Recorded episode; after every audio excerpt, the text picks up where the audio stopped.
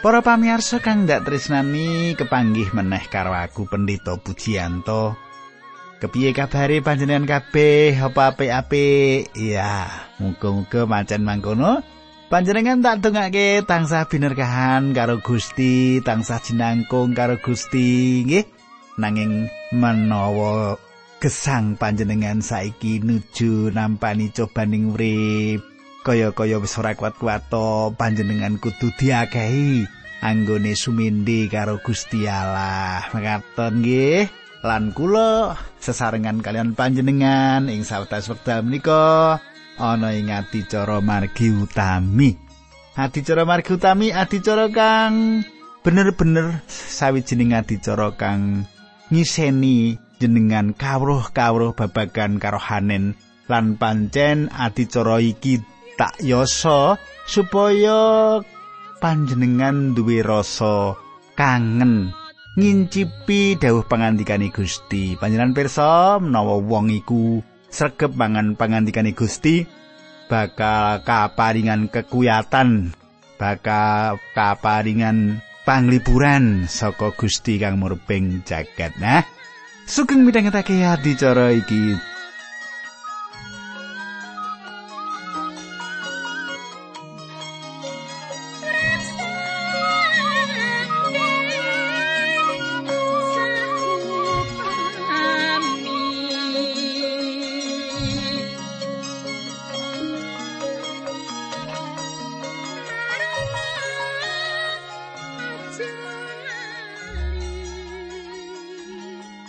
Para pamirsa, ing patemon kita kepungkur apa panjenengan isih kelingan? Nalika patemon kita ing kepungkur, kita wis nyemak awit saka senengi wong kusta anggone diwarasake dening Gusti Yesus mula wong kusta mau banjur cerita mrana mrene. Cerita mrana mrene saben wong sing ketemu diceritani. Tundone Gusti Yesus ora bisa mlebu kutha kanthi terang-terangan. Nah, banjur kepiye? Teruse. Kita bakal semak bebarengan ing patemon kita ing wektu iki. Nanging sadurunge kuwi aku ngaturake salam dhisik ya. Salam karo Pak Raharjo. Terus pundi Pak Raharjo? Kabaripun sae-sae menapa mboten? Nggih. Kula sampun kangen kalian panjenengan jarene larang banyu Pak Raharjo, nggih. Nah, kateng kula, Monggo panjenengan tak dherekake ndedonga dhisik sadurunge diterusake. Duh Gusti Allah ingkang kawula sambat sebuti wonten ing asmanipun Gusti kawula Yesus Kristus. Kawula ngaturaken kuing panuwun menawi wanci endah menika kawula saged anggegilut pangandikan paduka. Kawula nyuwun Gusti nuntuni supados pangandikan paduka menika dados jejeking iman, dados panglipuran lan ugi dados tiang mangertos kayektosan saking pangandikan paduka.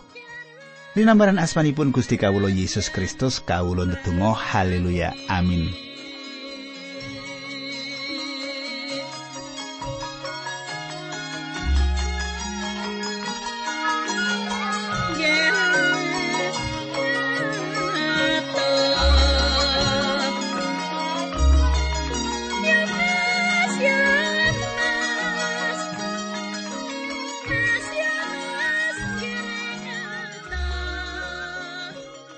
Para pamirsa, monggo panjenengan tak dherekake nyemak Injil Markus bab loro.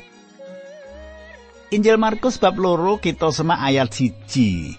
Panjenengan wis nyawiske kitab suci wae durung? Sampun, Pak. Lah ngono ya wis kudu dicaweske kitab suci kuwi angger Pak Puji wis rawuh ning studio, kitab suci kudu dicawesake. Nah, mangkene pangandikane Gusti ing Injil Markus bab loro ayat siji nganggo basa pedinan. Sawise sawetara dina Gusti Yesus rawuh meneh ing kutha Kapernaum, wong akeh padha krungu yen panjenengane ana ing dalem. Katanggu, nyemak pangandikan iki Gusti Yesus wis bali mlebu kutha Kapernaum. Panjenengane mindhahake markase sing gedhe ing Nasaret kutha panjenengane dilahirke pindah menyang Kapernaum. Aku bisa ngaturake marang panjenengan yen kutha Kapernaum niku bakal dadi papan markase miwiti pelayanane ing jagat saksuwene telung taun.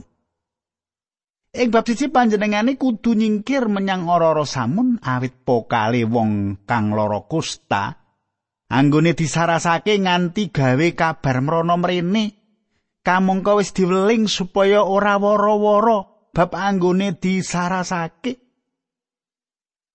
Pisan meneh ya aja woro-woro ya kowe tak waraske nanging saking senengi. Diwarak-warake. Ya awit woro-worone wong kang lara kusta kang diwarasake kuwi. Akibate akeh wong kang sowan marang panjenengani supaya diwarasake Ya awit iku Gusti Yesus ora bisa nindakake apa-apa kang dadi pakaryane awit nglayani wong-wong sing padha lara supaya njaluk diwarasake. Ya iki kang dadi sawetara sebab kenapa Gusti Yesus ora meratelakake sarirane minangka wong kang seneng gawe pangeram-eram. Panjenengane ora kepareng menawa misuwur awit saka anggone gawe pangeram-eram. Panjenengane ora kepareng menawa wong-wong padha nyritakake anggone nindakake mukjizat. Eh, delongen Yesus gawe mukjizat lho kono lho rame-rame lho kono rame-rame ora seneng Gusti Yesus ora kepareng. Awit apa? Awit rawuhe iku kagungan tujuan. Duwe pengangkah, kagungan pengangkah nindakake pelayanan kang asipat kasukman. Panjenengane rawuh kanggo sedo ing kayu salib nebus dosa umat manungsa. Katanggu.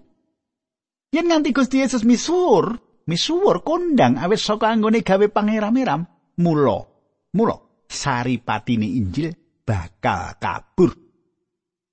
Ana wong kang tau kondo karo aku. Pak, ana wong kang ngutbahake Injil padha karo panjenengan. Nanging wong iku uga duwe pelayanan kesarasan ya, Pak. Katanggo lelakon mengkono iku bisa wae dumadi, bisa nanging kang dadi pitakonan. Apa wong iku misuwur awit anggone ngabarake Injil? Apa marga ngabarake Injil iku wong-wong akeh sing teka nalika dheweke khotbah? Apa marga kesarasane kuwi apa marga dheweke ngabarke Injil ngantek wong-wong akeh mau padha teka marang dheweke? Apa wong-wong kang teka kuwi pancen kepengin ngrungokake Injil apa awit kepengin waras saka lara kang disandang iki pitakonan? Iki masalah kang ora sembrono lho. Pakaian kita kang utama yaiku ngabarake Injil. Gusti Yesus nganti ora bisa nindakake pakaryan iki yaiku ngabarake Injil awit pokal gawene wong kusta kang diwarasake iku. Nganti panjenengane ninggalake Kapernaum sawetara sapanjure panjenengane bali meneh. Nalika panjenengane bali pawarto banjur kasebar yen panjenengane ana ing sawijining omah. Lan omah sing kanggo papan ngaso iku yaiku ana omahe Simon Petrus. Saiki ayat loro. Mula akeh wong sing padha teka mrono saking akeh wong sing padha ngumpul ana ing kono nganti ora ana panggonan sing selo malah ngarep lawang wae uga kebak wong. Gusti Yesus nuli mulangake dawe Gusti Allah. Sumitraku. Peladosane Gusti Yesus yaiku martakake pangandikane Allah lan iku kang dadi bab sing paling penting lan kudune kita tindakake uga ing urip kita saiki. Kita kudu eling apa kang dingendikake Gusti ana ing Yesaya 55 ayat 11. Kang meratelake yen pangandikane Allah iku ora bakal bali kanthi loho. Ayat telulan papat Injil Markus bab loro mengkene surasane. Satengahe memulang dumadakan ana wong lumpuh arep disowanake. Wong mau digotong wong papat nanging saking akeh wong, wong lumpuh mau ora bisa digawa menyang ngarsane Gusti Yesus. Mulane wong-wong sing padha nggotong nuli padha mbukak payone omah pas sanduri panggonan sing dilenggahi Gusti Yesus. Sawise kuwi wong sing lumpuh mau nuli diudunake ana ngarsane Gusti Yesus gumletak ing peturon lembaran kloso. Katangku, kawigaten kita saiki marang wong limo iki. Panjenengan tak dherekake, nggatekake wong limo. Wong sijine yaiku lumpuh, lara lumpuh. wong lumpuh kuwi ora bakal teka ing ngarsane Gusti Yesus yen ora digotong. Lan wong papat liyane kuwi sing gotong wong kang lumpuh mau nalika wis tekan sak cedhake Gusti Yesus wong-wong mau ora bisa mlebu awet saking akihe wong kang ngrubung Gusti Yesus. Wong-wong mau tundone ngedunake wong sing lumpuh mau lewat pubungan omah. Lewat pubungan omah. Buka payone omah, ngono ya. Mengkono wong papat mau merantasi alangan kanthi mbuka payone omah. Ayat 5. Bareng Gusti Yesus mirsa gedhening pangandele wong-wong mau panjenengane nuli ngendika marang wong sing lumpuh mau. Anakku, dosa-dosamu wis diapura. Katanggu iki pangandele sapa? Iki pangandele sapa? Imane sapa? Iku imane wong-wong iki.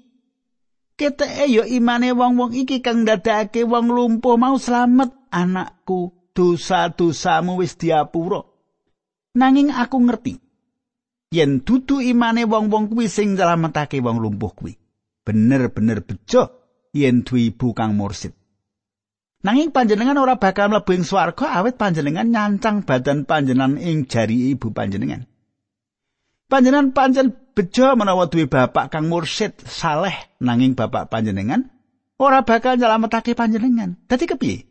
Panjenengan dhewe kudu mbudidaya duwe iman. budidaya iman panjenengan. Panjenengan kudu dadi wong kang percaya. Katangku. Dudu imane wong papat kuwi kang nyelametake wong lumpuh iki.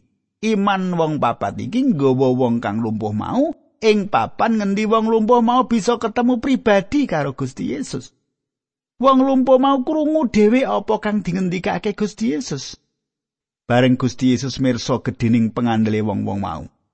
Lire pangandikan iki yaiku awit saka imane wong papat mau nganti nggawa wong lumpuh mau marang panjenengane. Nalika panjenengane wis adu arep karo wong-wong kang lumpuh mau banjur panjenengane ngendika, "Anakku, dosa-dosamu wis diapura." Katangku, ing jaman iki gereja mbutuhake wong-wong kang gelem nggawa papan usungan. Gereja mbutuhake wong-wong kang gelem nggawa usungan. lanang wadon kang duwe iman kang siap lanang wadon kang duwe iman kang siap lunga lan nggawa mlebu wong-wong kang durung dislametake. Kanthi mengkono wong-wong kang digawa mlebu kuwi bisa mirengake Injil. Akeh wong kang ora gelem mlebu gereja. Ing ngendi papan iku Injil diwartake kejaba panjenengan nggawa papan usungan? Lan nggawa wong-wong iku mlebu gereja ya iki kang ditindakake dening wong papat mau Ayat 6 lan 7 Markus loro. Nalika semono ana para ahli Taurat sawetara sing uga padha lungguh ana ing kono wong-wong mau padha batin Wong kuwi kok wani-wanine nyenyamah marang Gusti Allah kaya mengkono? Awit mung siji sing bisa ngapura dosa ya kuwi Gusti Allah piyambak. Kadangku Para ahli Taurat kuwi luput pitakonan kang kawitan.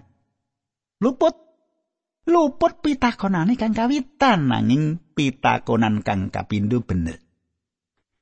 Gusti Yesus nalika iki ora nuju nyenyamah Gusti Allah. Nanging pancen bener kang bisa ngapura dosa iku amung Gusti Allah.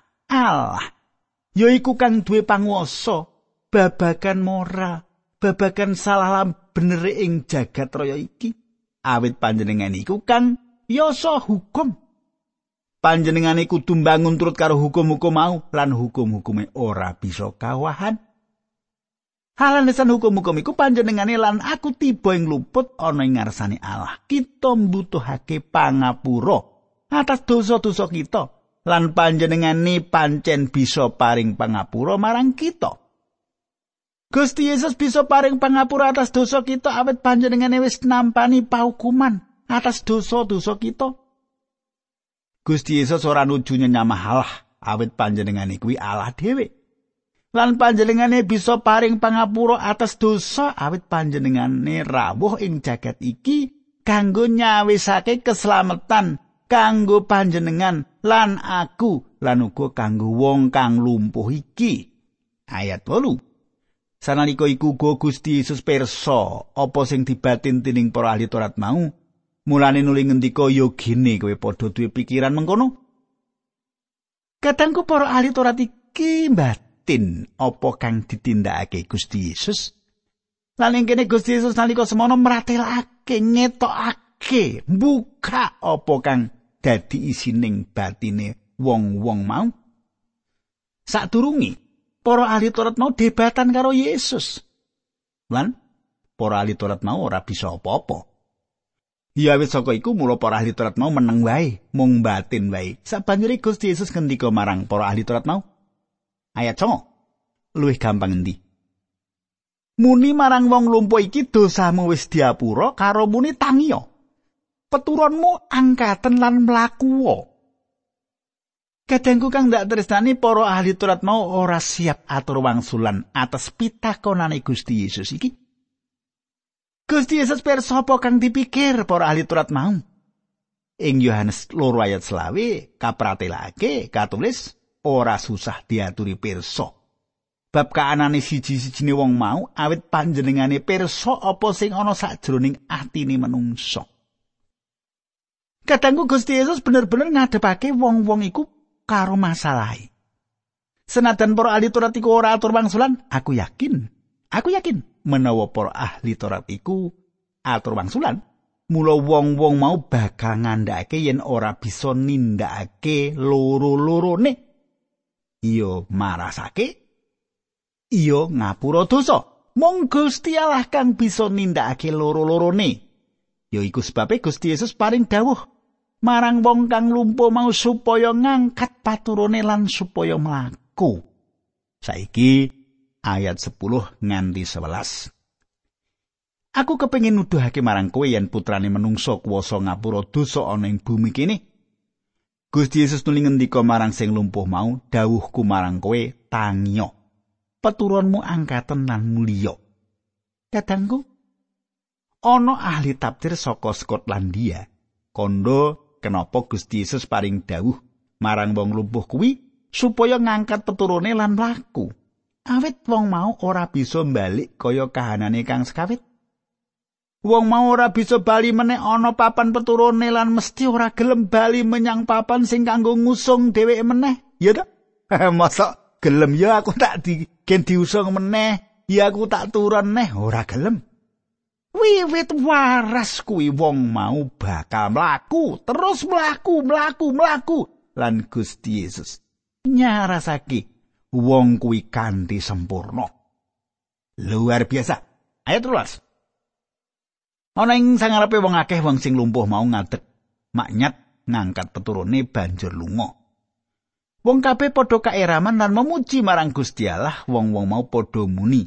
Lelakon kaya ngene iki kita durung tau ngalami. Katanggu panjenengan sama, lelakon iki ya iku inje ing sajroning tumindak lan lakon iku uga sawijining mukjizat sajroning tumindak. Ayat 13 14 sawise lakon mau Gusti Yesus tindak meneh menyang sapinggiring tlaga Galilea akeh wong sing padha marani Gusti Yesus banjur mulang wong-wong mau. Nalika lagi tindak Gusti Yesus pirsa pegawe pajak jenenge Lewi anake Alfius lagi lungguh ana ing kantore Gusti Yesus nimbali wong-wong mau Lewi melu aku, Lewi nuli ngatek lan nirek Gusti Yesus. Kadangku, kita nemokake meneh pelayanan kang terus ing kene. Senajan lelakon iki dudu sawijining mukjizat, apa kang kelakon iki ya iku timbalane Lewi utawa Matius. Matius kalebu suku Lewi, panjenengan bayangake Lewi kuwi kalebu suku imam. Lan ing kene dheweke dadi pegawe pajak lan kasunyatane iki kudune bisa menehi jawaban atas pitakonan bab 10 suku sing ilang.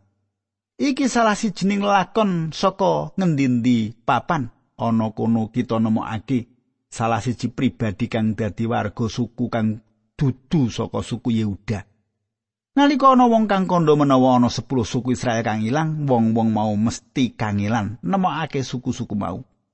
Suku-suku mau ora ilang, ana salah siji anggota suku mau yaiku salah siji anggota suku Lewi kang dadi salah siji murid Gusti Yesus Gusti Yesus nimbali Lewi ing kene ing sadroning lakon kang ngidapi-dapi iki Panjenengane bisa uga kelingan yen Matius ing tulisan Injile ora nulis yen dheweke nganakake bujana mangan lan ngulemi para mitrani. Sisi-sini kelompok kang kalbu mitrane yaiku wong-wong dosa. Ayat 15-16. Sawise kuwi Gusti Yesus diaturi dahar ana ing omahe Lewi. Nalika semono pinuju akeh pegawe pajak lan wong-wong sing dianggep ala dening masyarakat padha nderekake Gusti Yesus. ing antarané wong-wong mo akeh sing mangan tunggal sami jo karo Gusti Yesus lan para murid. Ana para ahli Taurat sawetara saka golongane wong Farisi weruh Gusti Yesus dahar bebarengan karo pegawai pajak lan wong-wong sing dianggep ala dening masyarakat mau. Mulane para ahli Taurat mau nuli padha takon marang para murid. "Ya gene gurumu kok dahar bebarengan karo pegawai pajak lan wong-wong ala kuwi?" Kadangku panjenengan semak pangandikan iki. paling ora kaping telu disebutake yen para tamu iku yaiku para tukang pajak lan wong-wong dosa. Dadi ing bujana kuwi ora ana wong apik kang teka, ora ana siji wae petinggi kutha kono kang teka. Panjenengan gatekake para tukang pajak tekane luwih dhisik tinimbang karo wong-wong dosa liyane. Wong-wong mau dadi tukang pajak ing jamani. Ayat 17. Mireng pitakone para ahli Taurat mau Gusti Yesus nuli ngendika, wong sing waras mono ora mbutuhake dokter. Mung wong sing lara wae, tekaku ora nimbali wong sempurna nanging wong dosa. Sumitraku, apa kang dingendikake Gusti Yesus iki sawijining jawaban kang ngidapi-dapi panjenengan tentu wae ora bakal menyang dokter nalika panjenengan rumangsa awak panjenengan ngrasakake sehat ya to wong sehat kok jangan di dokter ya to Rak panjenengan lagi mbutuhake dokter supaya menehi obat panjenengan yen panjenengan lara, ya to? Gusti Yesus ngendika panjenengane rawuh ora nimbali wong kang bener nanging nimbali wong kang dosa. Sejatine kenapa Gusti Yesus nganti ngendika mengkono awit kang ana bujana kuwi sing ana mung wong dosa tok. Mung ana sajinis menungsa ing wektu iku, ora ana siji wae kang bener ing wektu iku, nanging wong Farisi rumangsa yen dhewe iku wong kang paling bener. ayat 18. Nalika semono para murid Nabi Yohanes Pembaptis lan para wong Farisi lagi padha poso, nuli ana wong sawetara padha sowan marang Gusti Yesus lan nyuwun pirsa. Menapa sebabipun dene murid-muridipun Nabi Yohanes Pembaptis lan para muridipun tiang Farisi sami siam nanging para murid panjenengan kok mboten? Ketengku. Wong Farisi iki ana ing kungkungane hukum Taurat. Panjenengan pirsa ana ing hukum Taurat ora ana dawuh supaya poso. Allah wis paring priyaya pit metu kanggo umate dudu dina-dina poso. Ayat 19 lan 20 Gusti Yesus ngendika apa kowe tau tumun ana tamu ing panggonane wong mantu padha poso. Sadrone pengantin lanang isih nemoni tamune para tamu mesti padha mangan. Nanging semasa pengantin lanang mau dibedol lan ninggal tamu-tamune lagi para tamu mau padha ora mangan Kadangku kang luwih penting yaiku kita gegawutan karo panjenengane lan tetunggalan karo panjenengane tinimbang poso. Bab kuwi isih terus nganti ing dina iki pancen penting urip mursid lan iku kang utama. Nanging bakal beda rasane kita tetunggalan karo panjenengane lan tresnani panjenengane. Ayat selikur lan rolikur Markus loro. Ora ana wong sing nambal klambine lawas nganggo bakal sing anyar. Awit saupama mengkono bakal anyar kuwi malah bakal nyuwekake klambi sing lawas mau. Dadi suweke malah saya mbo. Mengkono uga ora ana wong madhayi anggur anyar ana ing impes lulang sing wis lawas. Awit saupama mengkono anggur anyar mau bakal ngrusakake impes sing lawas. Teman loro-lorone ora kanggo gawi. Anggur anyar kudune diwadahi impes sing anyar. Katangku Gusti Yesus paring pasemon loro bab urip anyar kang kebak katresnan lan kang tetunggalan karo panjenengani. Panjenengane nuju paring pangandikan yen panjenengane iku ora rawuh kanggo moles hukum Taurat. Panjenengane ora rawuh kanggo jangkep hukum Musa. Panjenengane ora rawuh nambahi utawa ngurangi hukum Taurat kuwi. Panjenengane ora rawuh supaya nambal klambi lawas nanging panjenengane maringi klambi kang anyar. Urip kang kabeh hukum Taurat manungsa nyambut gawe lan gawean padha karo klambi lawas kang dipangan bubuk. Gusti Yesus rawuh kang nyawisake jubah kayekten kang anyar. Kang kaparengake marang wong dosa kang percaya marang Sang Kristus kanthi jubah iku bakal dadi jalaran. Wong dosa mau bisa ngadeg ana ing ngarsane Gusti Allah kang Maha Kuwasa. Bisa sowan ing ngarsane Gusti Allah kang Maha Kuwasa.